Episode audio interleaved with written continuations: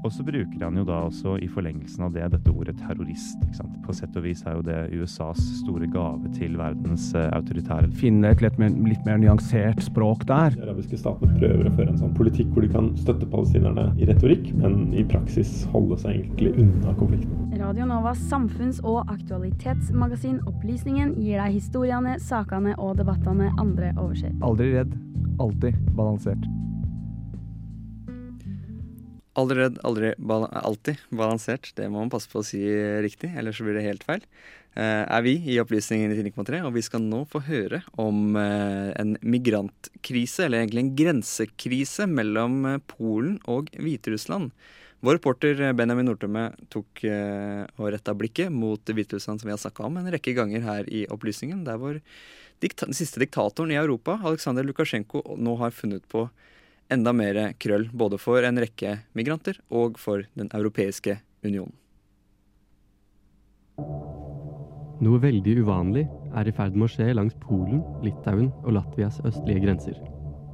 Som Nato-medlemmer og EU-land er de ofte noen av Norges viktigste allierte når spenningene er høye.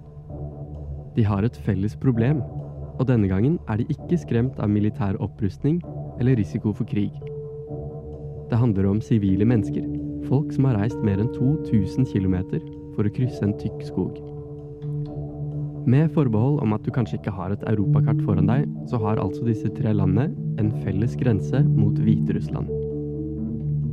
Det er nå tusenvis av mennesker fra konfliktherjede land i Midtøsten som har reist til nettopp Hviterussland, og derfra forsøker å komme seg inn i EU.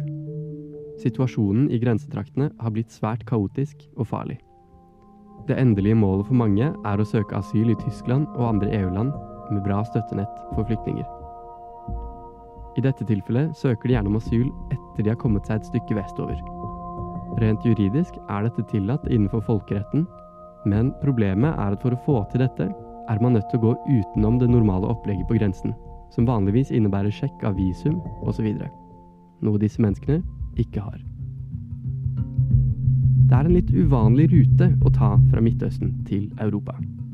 For å ta et eksempel. I 2019 forklarte grensevakten i Litauen at det totale antallet mennesker som hadde illegalt kommet fra Hviterussland, var 46 mennesker. Nå, hittil i 2021, har ca. 100 ganger så mange mennesker blitt oppdaget. 4600 mennesker har lykkes med å ulovlig krysse grensen til Litauen, hvorav et ukjent antall har beveget seg videre i Schengen-området. Med andre ord, i et normalt år er det veldig, veldig få som gjør denne grensepasseringen. Men hvordan og hvorfor har denne nye ruten oppstått? Det er her det virkelig blir merkelig. Polen anklager Hviterussland for å drive en form for hybridkrig, og mener Lukasjenko-regimet har kunstig skapt en flyktningkrise for å hevne seg på EU.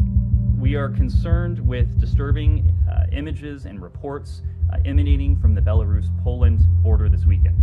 The United States strongly condemns the Lukashenko regime's political exploitation and coercion of vulnerable people and the regime's callous and inhumane facilitation of irregular migration flows across its borders. We call on the regime to immediately halt its campaign of orchestrating and coercing irregular migrant flows across its borders into Europe. As long as the regime in Belarus refuses to respect its international obligations and commitments, undermines the peace and security of Europe, and continues to repress and abuse people seeking nothing more than to live in freedom, we will continue to pressure Lukashenko and will not lessen our calls for accountability. Sårbare og uskyldige mennesker brukes som sjakkbrikker i et storpolitisk spill.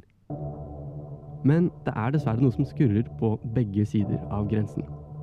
Amnesty har undersøkt området med hjelp av drone og publiserte en rapport som klart og tydelig viser polske grensevakter som dytter migranter tilbake over grensen. Det er nesten unødvendig å si at dette er ganske ulovlig i henhold til folkeretten.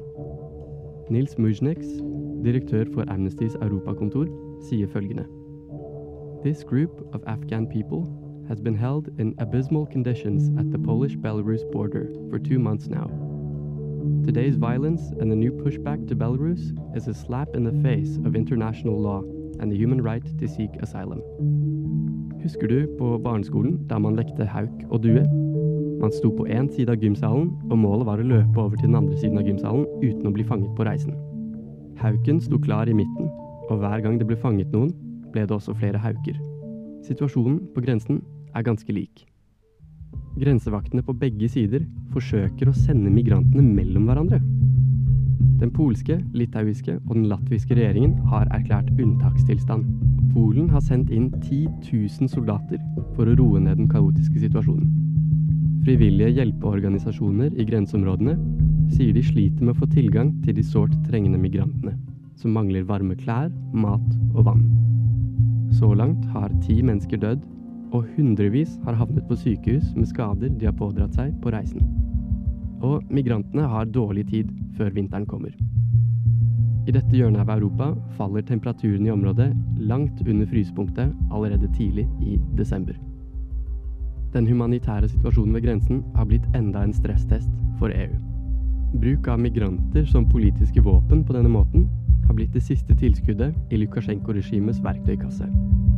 Det er lite vi kan gjøre som tilskuere, annet enn å håpe på at situasjonen blir bedre og tryggere forhold for migranter kan komme på plass.